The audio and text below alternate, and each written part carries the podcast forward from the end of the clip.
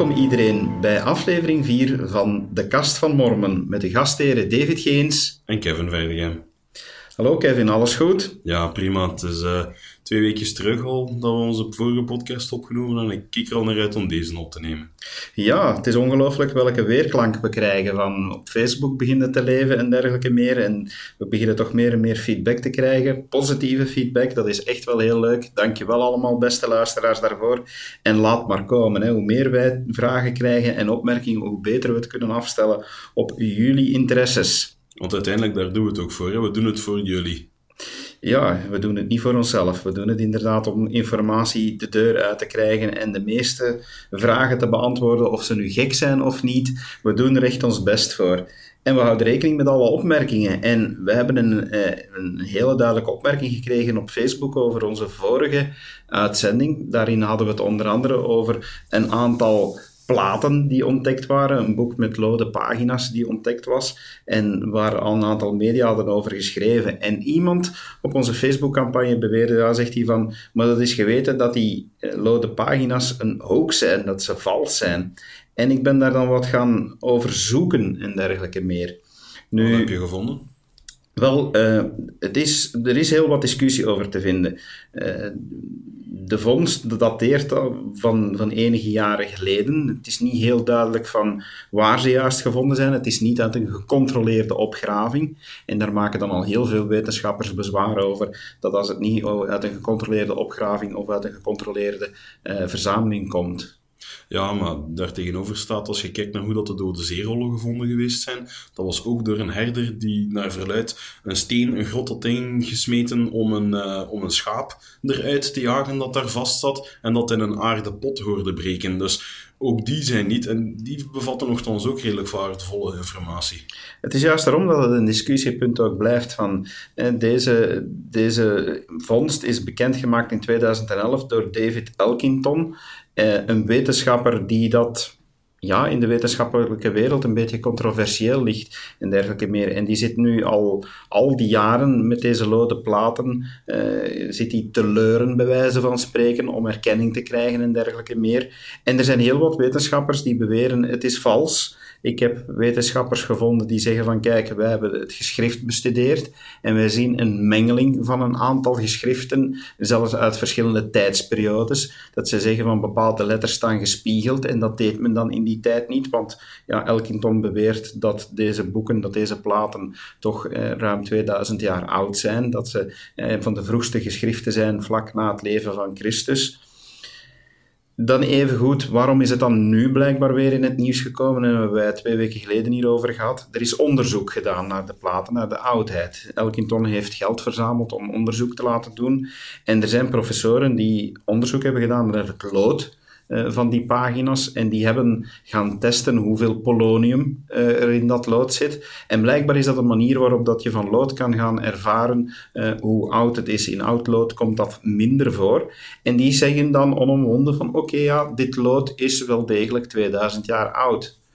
Dan zijn er ook weer tegenstanders, voornamelijk in de wetenschappelijke wereld, die dan zeggen van ja, maar dat bewijst nog niks. Als het echt een slimme vervalser is, dan heeft hij inderdaad lood gevonden dat uit die periode dateert en daarvoor gebruikt en terug opnieuw gesmolten om dit eh, te fabriceren. Er zijn er dan die zeggen van je gaat heel nauwkeurig de ingroevingen van die teksten moeten gaan bestuderen om te gaan kijken van is het verweer van die letters ook 2000 jaar oud. Uh, er zijn er dan weer andere wetenschappers die zeggen dat ze de tekst ook bestudeerd hebben en dan wel degelijk overeenkomsten zien met andere uh, teksten die op lode platen uit die periode zijn gevonden en waarvan er geen discussie bestaat dat ze zo oud zijn.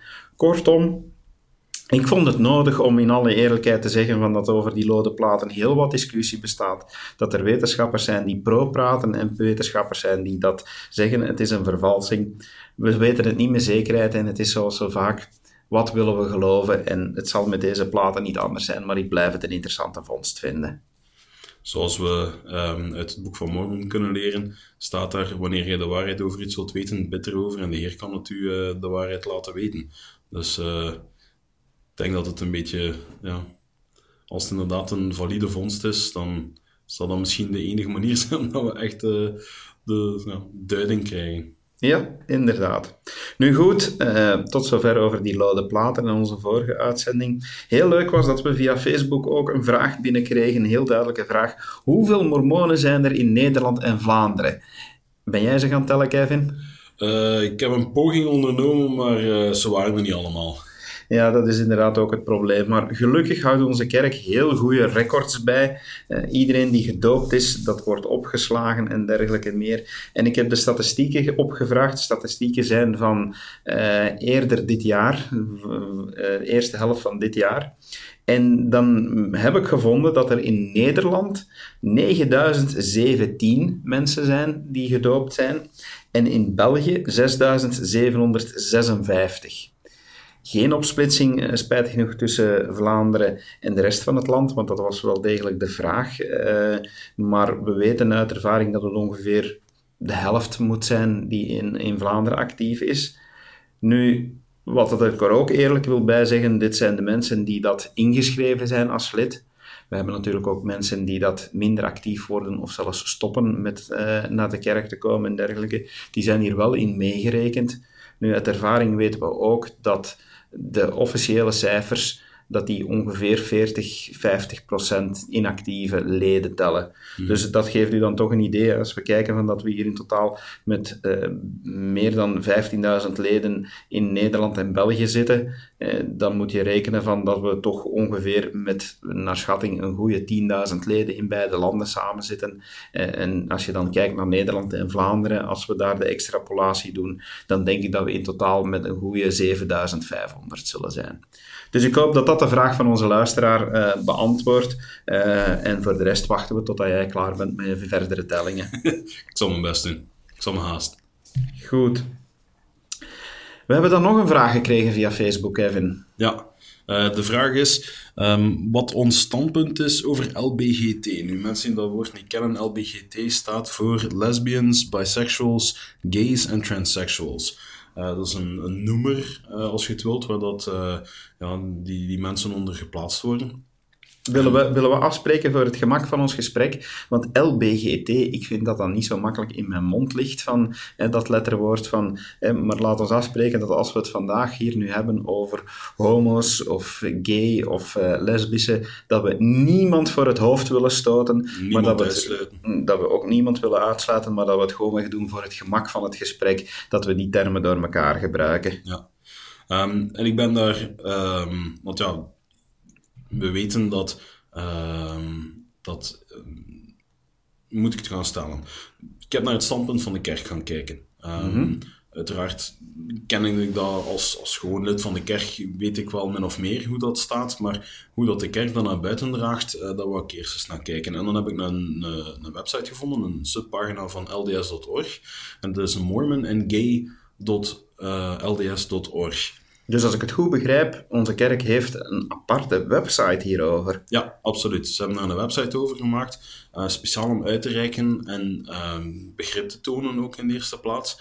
Um, er staan verhalen op van leden van de kerk die gay zijn um, en wat hun ervaring daarmee is. Is dat makkelijk voor hen? Absoluut niet. Dat heb ik er wel uit kunnen concluderen. Ik nodig jullie uit voor mensen die zeggen van ja, ik zou toch wel eens willen horen van die mensen. Er staan daar verschillende verhalen op die website en die zijn heel interessant. Goed, maar Waarom is het zo'n speciaal topic voor onze kerk? Wordt, zegt onze kerk simpelweg van uh, homo zijn kan niet? Of is het eerder van oh, geen probleem uh, en dergelijke? Wat is, is het basisstandpunt? Het is, het is genuanceerder dan louter te zeggen van ja of nee.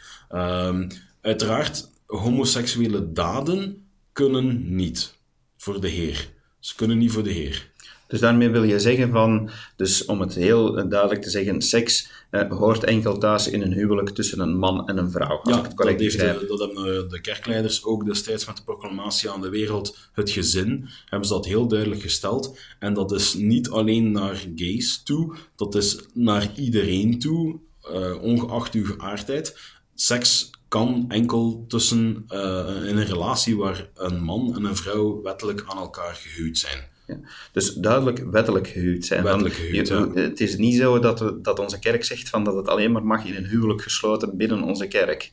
Nee, inderdaad. Dat, uh, het, is, het is wettelijk gehuwd. Dus Um, maakt niet uit of dat je binnen de kerk gehuwd bent of verzegeld. Um, dat maakt niet uit. Het is belangrijk dat je wettelijk gehuwd bent. Um, Oké, dus dat is, dat is duidelijk van hè, seks hoort alleen thuis in een huwelijk tussen man en vrouw. Dus zeggen, zegt onze kerk toch eigenlijk wel van oké, er is een probleem met homoseksuele relaties. Ja, dat wel. Um, maar in de eerste plaats, de kerk wil heel duidelijk maken, en dat vond ik ook zo mooi aan op die webpagina, de kerk wil heel duidelijk maken van kijk, God houdt van al zijn kinderen. God houdt van al zijn kinderen, of dat zij nu, um, wel, welk levenspad zij ook bewandelen, Um, God houdt van al zijn kinderen en wil niks liever en is heel, um, niet alleen vergevingsgezind en heel liefdevol, maar is ook, ja, wil ook kunnen gaan vergeven. Hij staat daarvoor te springen, als het ware, om te gaan vergeven. Dus um, het is... Maar je praat nu over vergeven. Wordt daar dan mee gezegd dat het homo zijn een zonde is? Nee, absoluut niet. De kerk verduidelijkt dat ook inderdaad heel concreet. Ze zeggen van kijk, um, het, het, homo zijn, dus het, het uh, zoals zij het zeggen, een same-sex attraction of een, of een, uh, een, een aantrekking um, aan hetzelfde geslacht, aan zich is geen zonde. Want hoewel de kerk het volledig in het midden laat, de kerk neemt er geen standpunt op of dat wat de oorzaak is van die gevoelens, um, erkennen ze wel dat die er zijn. Um, en dat dat voor veel mensen hun realiteit is. Zij zeggen van, goed, kijk, ik, ik, ik, ik voel mij zo, ik ben zo. En de kerk zegt van, ja, goed, ook akkoord, dan, dan is dat zo. Um, ja. Ja, maar dus ja, het homo zijn is, is op zich dus dan geen zonde en dergelijke. Worden homo's dan uitgesloten uit de kerk? Ook niet. Ook niet. De, de, de, er werd destijds aan Christus gevraagd wat is het grote gebod, wel, welke zijn de twee belangrijkste geboden, of wat is het, belangrijkste gebod. En Christus zei van, heb de Heer uw God lief. En het tweede is daaraan gelijkgesteld, heb uw naaste lief. En dat gebod geldt voor iedereen. En uw naaste is ook iedereen. Dus wij horen van iedereen te houden of dat die nu homo zijn, of, uh, of, of een drugsverslaafde, of een gewone mens, of uw buurman die zijn hond steeds op uw gazon laat kakken.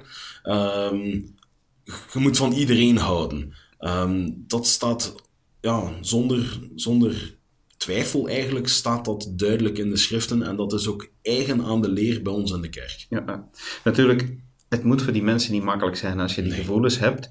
Ja, en dan weet je van oké, de kerk is heel duidelijk van ze beschouwen mij niet als zondaar omdat ik die gevoelens heb. Maar van zodra dat je eraan toegeeft, ja, dan is er wel een probleem mhm. natuurlijk. Van, omdat dan de algemene regel geldt dat er enkel seks mag zijn in een huwelijk tussen man en vrouw. Dus vandaar waarschijnlijk dat het ook zo'n geladen standpunt blijft in de kerk. Het blijft een heel geladen standpunt, inderdaad. Um, de vraag komt vaak van, sluiten jullie die mensen uit? Zeker moest er geweten zijn, want ik kan me inbeelden dat, ja, zonder, het, zonder grof te willen zijn, maar van de meeste mensen kan je wel aan hun handelingen en, en hun daden stellen of zij hetero of homo zijn. Uh, er zijn uiteraard uitzonderingen, maar van veel mensen is het als ze om het met een, uh, een, spreekwoord te zeggen, uit de kast komen, is het voor de meesten in een omgeving geen verrassing meer. Um, dus je zou kunnen gaan stellen van, ah, hè, als je daar een vermoeden op hebt, gaat de kerk dan niet die mensen beginnen uitsluiten of zeggen van, kijk, jij mag dit niet, jij mag dat niet. Dat is absoluut niet het geval. We ons daar heel duidelijk over zijn, niet het geval. En het tegenovergestelde dan, Kevin. Je hebt zo van die oerconservatieven die dat als een ziekte beschouwen en dan homo's naar heropvoedingskampen sturen. Ik hoor verhalen over ja, elektroshocks en dergelijke. Van, zijn dat dingen die ook in onze kerk gebeuren? Nee, absoluut niet. We willen omvattend zijn. We willen iedereen ja, de om in de armen sluiten. Christus heeft dat ook gedaan. Christus ging ook met zondaren gaan eten en ging van alles gaan doen. Willen we nu op iemand die homo is de stempel op zijn voorhoofd van zondaar? Nee. We willen niet iemand als jij zijt een zondaar. Christus deed dat ook niet. Um, wij willen hen zien als kinderen van God. Om van hen te houden. En ja, daar moet alles bij horen wat, er, wat erbij komt. De kerk gaat bijvoorbeeld ook niet gaan uitsluiten dat iemand die zegt van kijk, ik ben homo, die hoeft dat zelfs niet te zeggen, maar die is homo en die leeft alle geboden na, dus die houdt zich ook seksueel rein, die heeft geen relaties buiten uh, een huwelijk tussen man en vrouw uh, van seksuele aard, dan kan die man ook het priesterschap dragen. dat is geen belemmering. Ik heb, ik heb als lid van de kerk heel vaak eh, dan toch de indruk dat daar inderdaad dan de nuance bij komt, dat onze kerk zelfs zegt van, kijk, en wij snappen dat het moeilijk is voor jou, want je hebt die gevoelens, we zeggen dat je er niet mag aan toegeven, dus als je daar niet mag aan toegeven, dan zit je met een passie in jou misschien, een, een mhm. vuur dat brandt en, en dat het leven jou heel moeilijk maakt. Dus onze kerk lijkt daar toch ook wel heel veel begrip voor te hebben dan, en voor die beproeving. Ja, en dat is het ook, een beproeving.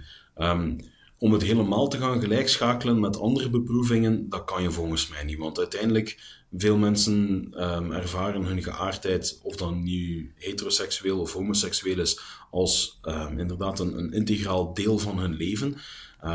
ik zou gaan stellen van, goed, kijk, als je alcoholverslaafde bent en je bent alcoholieker, dat je daar ook een probleem mee hebt, dat je er ook van moet afblijven, dat dat ook heel moeilijk is. Maar je kan het niet gewoon gaan gelijkschakelen. Nee, het zijn, zijn echt heel verschillende Het zijn heel verschillende dingen, maar de kerk zegt ook wel van, ja, iedereen heeft wel iets wat hij mee zit in zijn leven en iedereen moet dingen doormaken. Het is absoluut niet hetzelfde, we kunnen het niet gelijk gaan trekken, maar er is toch een gelijkenis. Hm. Het blijft natuurlijk een moeilijk standpunt. Hè. Je hebt ook heel veel mensen die zullen zeggen, ja, Christus is liefde, dus we moeten dat allemaal maar gewoon aanvaarden van het zijn mensen zoals, zoals jij en ik. En dat, dat zeggen wij ook heel duidelijk. Hè. Het zijn mensen zoals jij en ik. Je zegt het heel mooi, we zijn allemaal kinderen van God. Ja, dan komt toch altijd die vraag van waarom kan je dat toch niet zomaar aanvaarden? Maar ja, het is, het is nu eenmaal doctrine die we in de Bijbel vinden, mm. dat heel specifiek seks enkel maar hoort tussen man en vrouw. Klopt, hè? Dat klopt, die doctrine. Ik wil niet diep gaan natuurlijk, maar het komt er uiteindelijk op neer. En die conclusie heb ik voor mezelf ook wat, uh, wat gevonden, is dat uiteindelijk moeten we kijken naar ons eeuwig potentieel. Wij kunnen worden zoals onze hemelse vader en ook een eeuwig nageslacht hebben. En dat kan enkel tussen een man en een vrouw. En dat voortplantings, want seks is voor de Heer niet alleen seks voor het plezier, maar ook het heilige voortplantingsvermogen. En dat is hem heel nauw aan het hart, want dat zorgt voor de lichamen, voor zijn kinderen die nog hier op aarde moeten komen, voor die geesten.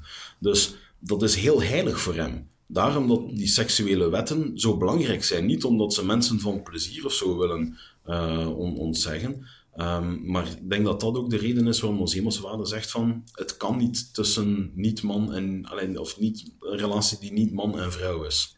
Nu, ik denk ook een heel belangrijke nuance die, die ik er zelf wil aan toevoegen, en dat is ook voor een stuk mijn persoonlijk standpunt, want daar werd op onze Facebook ook naar gevraagd, is dat we ja, moeten stellen van, we, we praten hier als leden van de kerk van Jezus Christus, van de Heilige der Laatste Dagen, maar heel typisch ook voor ons is dat wij gaan zeggen van oké, wij geloven op onze manier, maar daarom sluiten wij niemand anders uit die, die, zich, die zich anders voelt of, of op een andere manier wil geloven of zelfs niet geloven en dergelijke. En ik vind het toch ook heel belangrijk dan dat onze kerk zeker geen gemeenschap is van, van uh, mensen die dat zeggen van hé, hey, jij daar, vieze homo, ik moet van u niet hebben, ik ben het helemaal niet eens uh, met u, ik vind u verwerpelijk en dergelijke. Waarmee ik totaal niet wil zeggen van je gaat mormonen hebben die zo reageren, hè, spijtig genoeg. Je hebt mensen van alle slag overal, in elke organisatie, in elke beweging. Maakt niet uit, je gaat altijd mensen hebben van verschillende slagen. Ja, en dat, dat, dat is heel spijtig. En, en, ja, het zou niet mogen, laat dat duidelijk zijn. Het zou niet mogen. Het zou echt niet mogen van dat, uh, dat andere mensen worden uitgesloten. Van. Ik kan daar alleen maar persoonlijk ook over zeggen van ik heb vrienden die dat uh, in homoseksuele relaties zitten. Maar die zijn dan ook helemaal niet gelovig en dergelijke. En ik heb heel wat vrienden die niet gelovig zijn en dergelijke. En dan heb ik constant het standpunt van, kijk, ik heb respect voor u. Het enige wat ik vraag is ook respect voor wat dat ik geloof.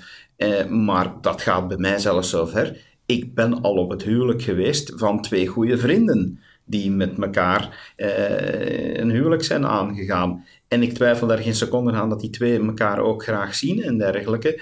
En ik heb die ja, ook effectief proficiat gewenst en een gelukkig leven toegewenst en dergelijke meer bij mij lag de grens toen dat op een gegeven moment uh, dan uh, het vermenigvuldigen kwam op de dans. Ja, ik ben toch niet met de bruid slash de bruid nummer twee gaan dansen. Uh, daar, daar had ik het dan net persoonlijk net iets te moeilijk mee om, om plots een man in mijn armen te hebben. Maar, maar ja... Wie leidt er dan? Hè?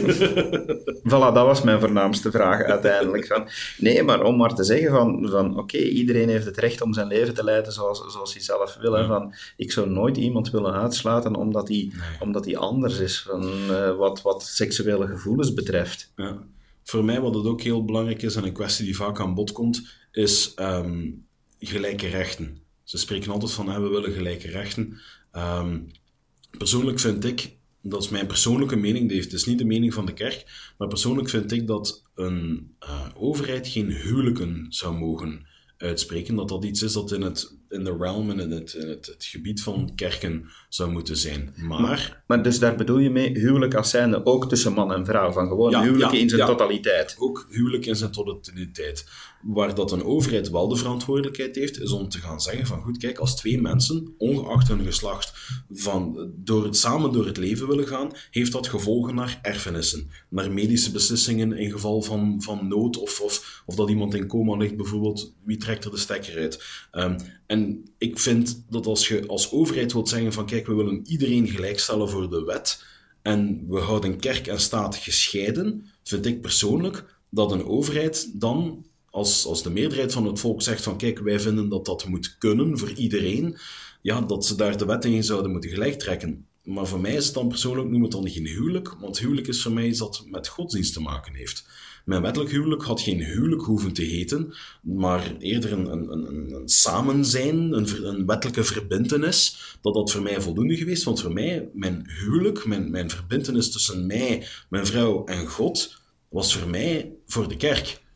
Ja. En daar vind ik dat het huwelijk thuis hoort. Dus ja, wat hij eigenlijk zegt is van, we praten heel vaak eh, toch in onze taal over een burgerlijk huwelijk en een mhm. kerkelijk huwelijk. Jij zegt eigenlijk van de term huwelijk zou ik voor het burgerlijk huwelijk niet meer willen gebruiken. Daar zou ik eh, liefst een andere term voor zien, zodat je nog een veel betere scheiding krijgt tussen kerk en staat. Ja, absoluut. Ja, Daar ben ik het helemaal mee eens van, uh, in de zin van uh, kerk en staat moeten gescheiden zijn en wij mogen, wij mogen onze mening hebben en we mogen die verkondigen en dat doen we ook, maar we mogen die niet opdringen aan iemand, vind ik van. En dat mag er zeker niet toe leiden dat mensen zich gaan uitgesloten voelen mhm. in onze maatschappij. Laat staan dat er uh, geweld komt bij kijken, of pesterijen, of zelfs ongelijkheid en dergelijke. En dan vind ik het toch heel belangrijk om te vermelden dat onze kerk, als je even kijkt naar Utah, wat dat toch de bakermat is nog altijd van de mormonen en waar dat hè, zijn meerderheid nog altijd lichtjes vormen van de bevolking, dat daar nota bene wetgeving is ontstaan over gelijkheid voor koppels die dat inderdaad same-sex marriage mhm. hebben,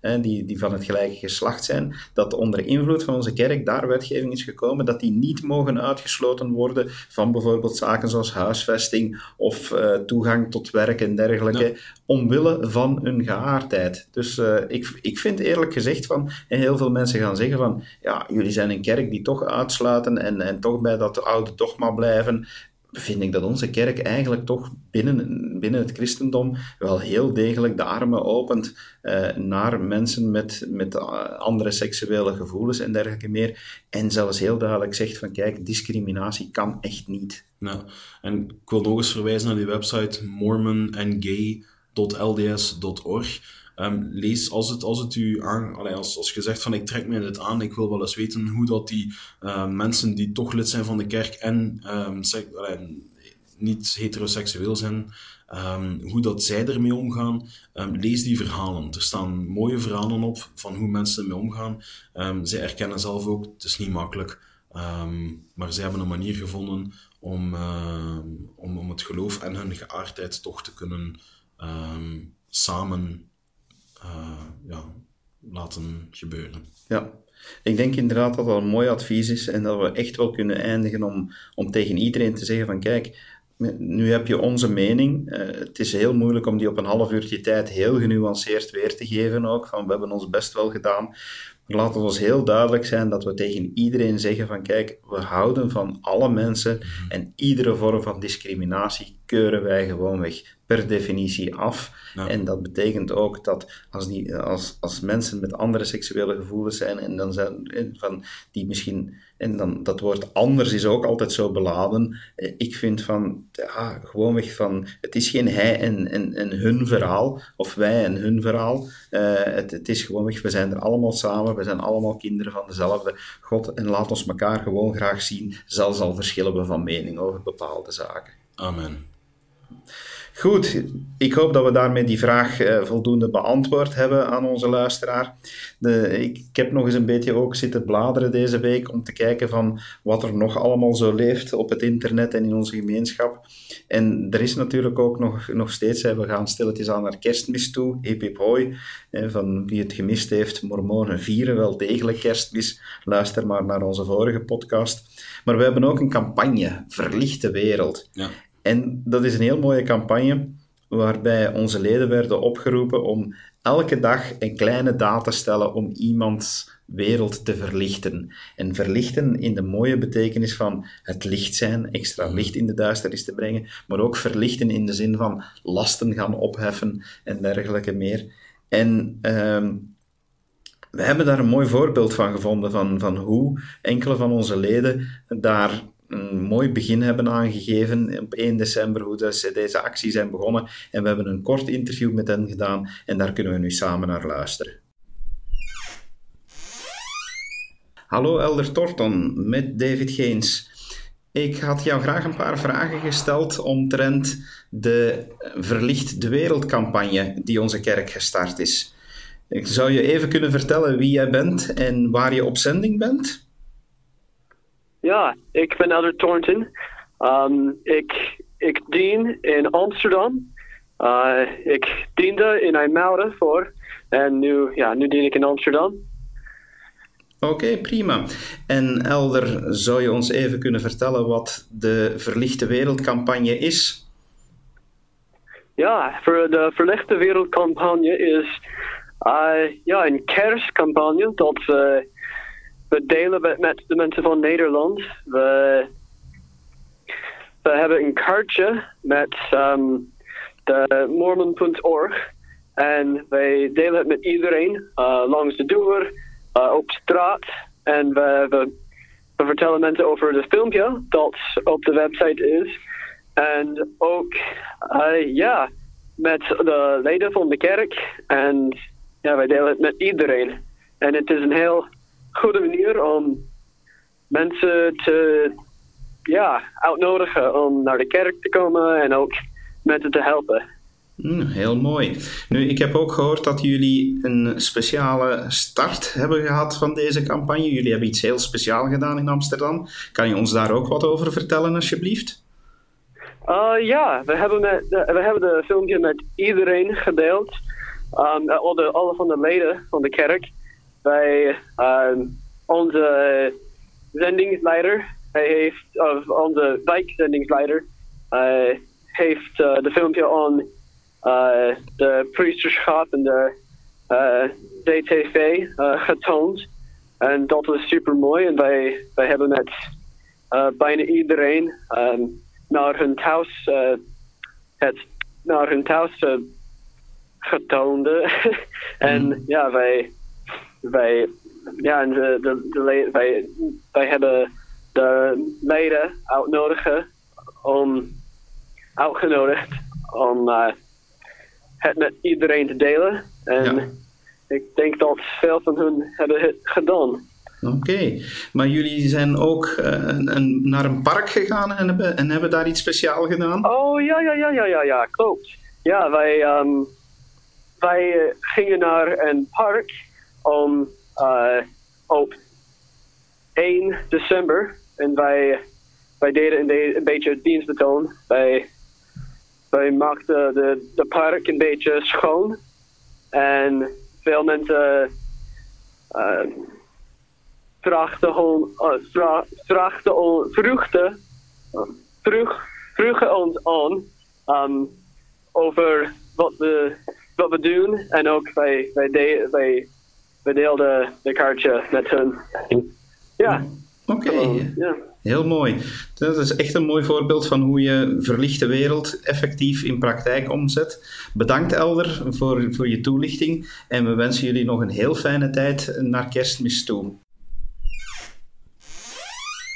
Uit het interview blijkt toch welke fantastische mogelijkheden de leden van onze kerk hebben samen met de zendelingen om andere mensen het leven toch te verlichten. En ik hoop dat er nog heel veel leden de komende dagen mooie ideeën hebben om Verlicht de Wereldcampagne overal effectief in de spotlights te gaan zetten.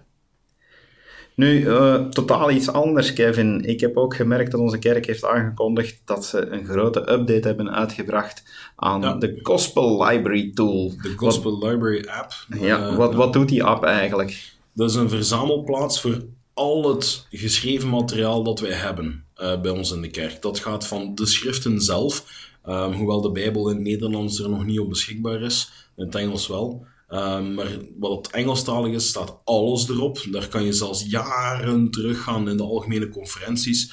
Kortom, het is een fantastische manier om op een heel snelle en eenvoudige manier uw uh, evangelie te bestuderen. Is het een te betalen app? Nee, helemaal gratis. Ook voor niet-leden?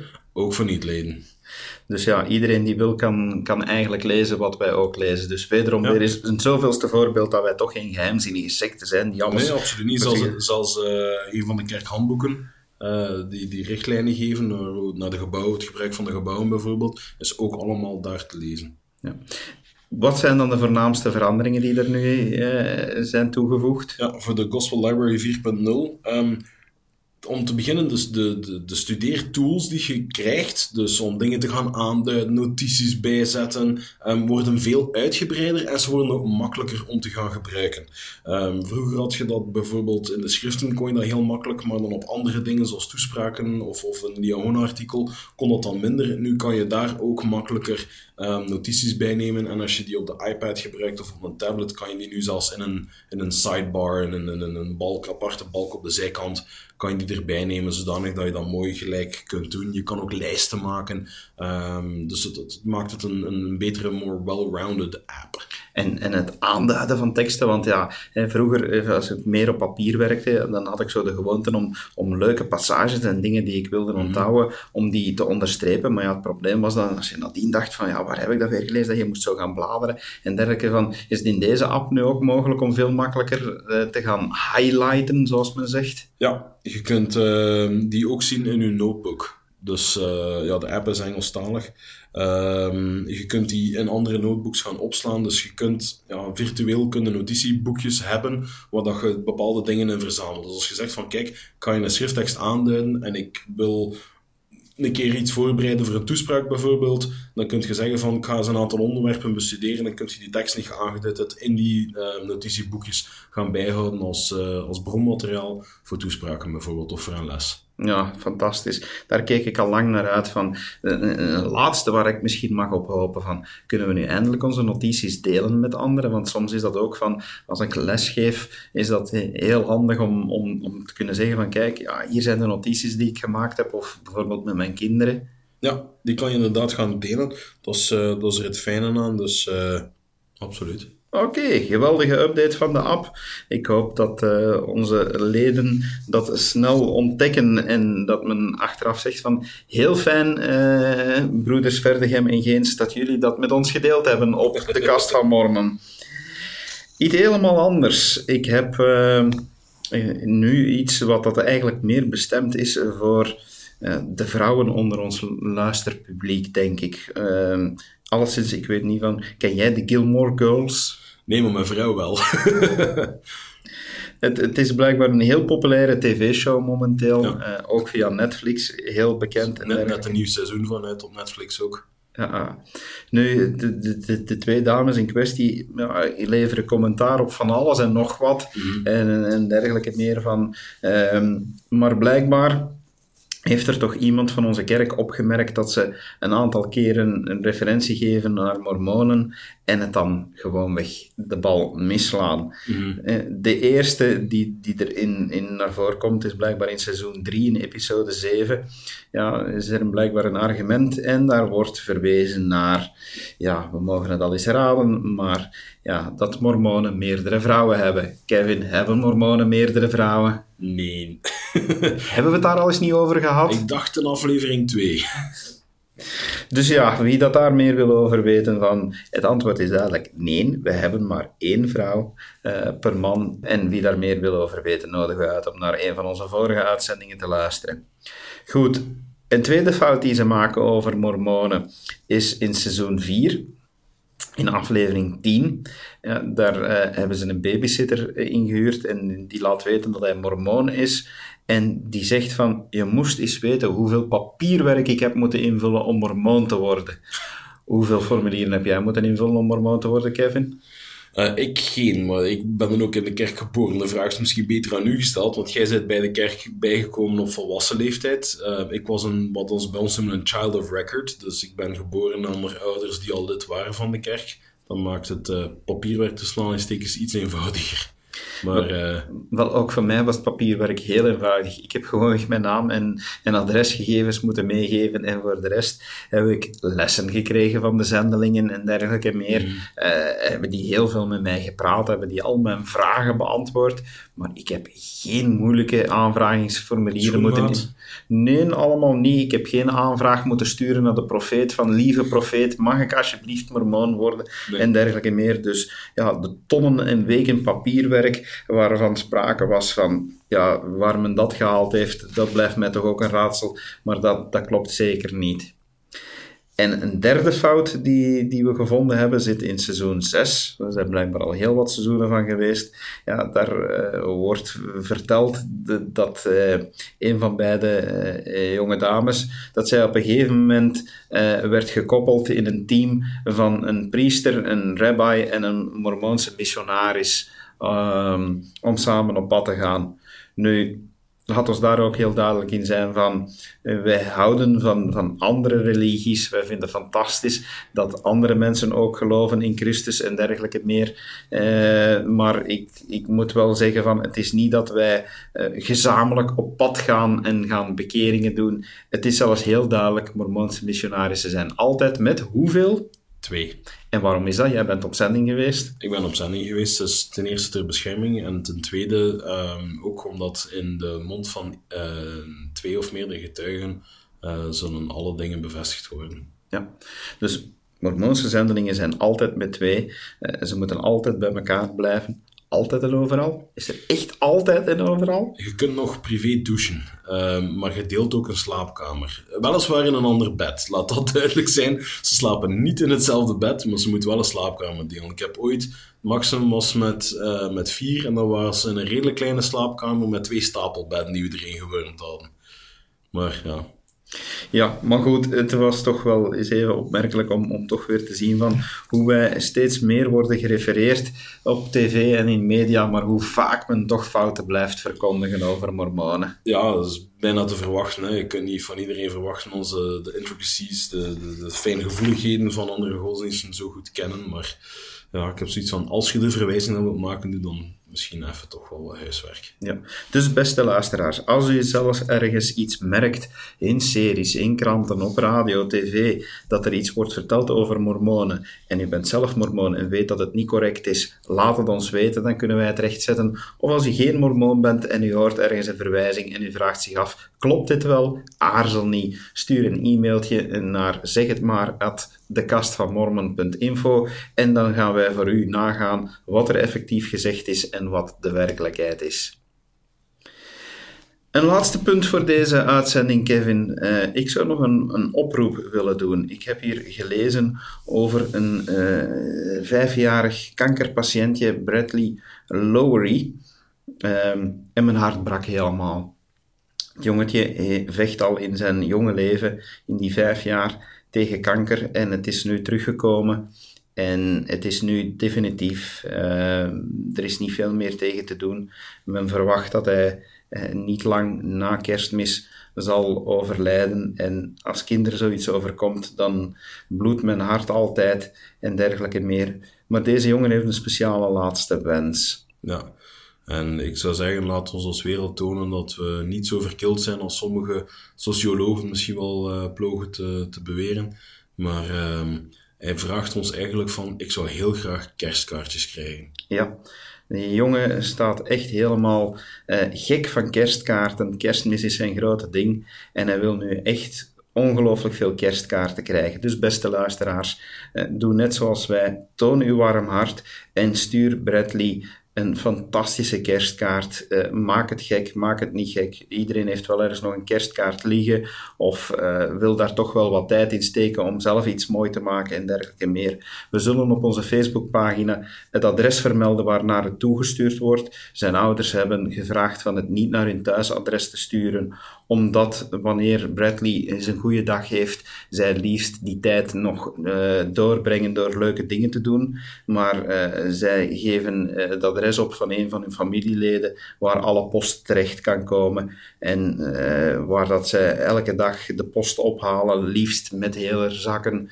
zodanig dat Bradley echt zijn kerstwens nog uh, ziet komen. Voor wie onze Facebookpagina nog niet kent, het is heel simpel facebook.com slash de kast van Mormon. En daar zullen we dus het adres plaatsen. Goed. Kevin, we gaan stilaan toe naar kerstmis. Mm Jij al plannen voor kerstmis? Ja, ik uh, kerstavond met, uh, met mijn ouders. En we hebben van de gelegenheid gebruik gemaakt om op kerstdag iemand uit te nodigen die anders alleen zou zijn op kerst. Oh, dat is heel fijn. Van, ik vind het toch heel mooi om te horen van, uh, dat dat initiatief ook uh, bij jullie gezin leeft. Uh, wij hebben dat ook gedaan. We hebben de zendelingen uitgenodigd van, van voor de mensen die dat, dat nog niet weten. Zendelingen mogen maar twee keer per jaar met het thuisfront effectief communiceren in rechtstreekse lijn, telefoneren of tegenwoordig skypen of dergelijke. En dat is met kerstmis en met... Moederdag. Ja. Dus wij willen de zendelingen echt de gelegenheid geven om, om dat te doen. Dus wij hebben ze bij ons uitgenodigd voor een heel leuke kerstmaaltijd. Om het kerstverhaal samen te lezen, samen ook met onze kinderen. En hen dan de kans te geven om, eh, om hun ouders en hun familie te zien. Heel mooi. Ik hoop echt iedereen, beste luisteraars, dat uh, jullie allemaal kunnen genieten nog van deze kerstperiode. Dat jullie allemaal uh, kerstmis in jullie hart laten leven. Of dat je nu gelovig bent of niet, toch even probeert stil te staan bij het feit dat het de herdenking is van de geboorte van onze heiland. En ik wens jullie allemaal heel fijne kerst toe. En we horen elkaar terug tussen kerst en nieuw. Tot ziens. Tot ziens en vrolijk kerstfeest.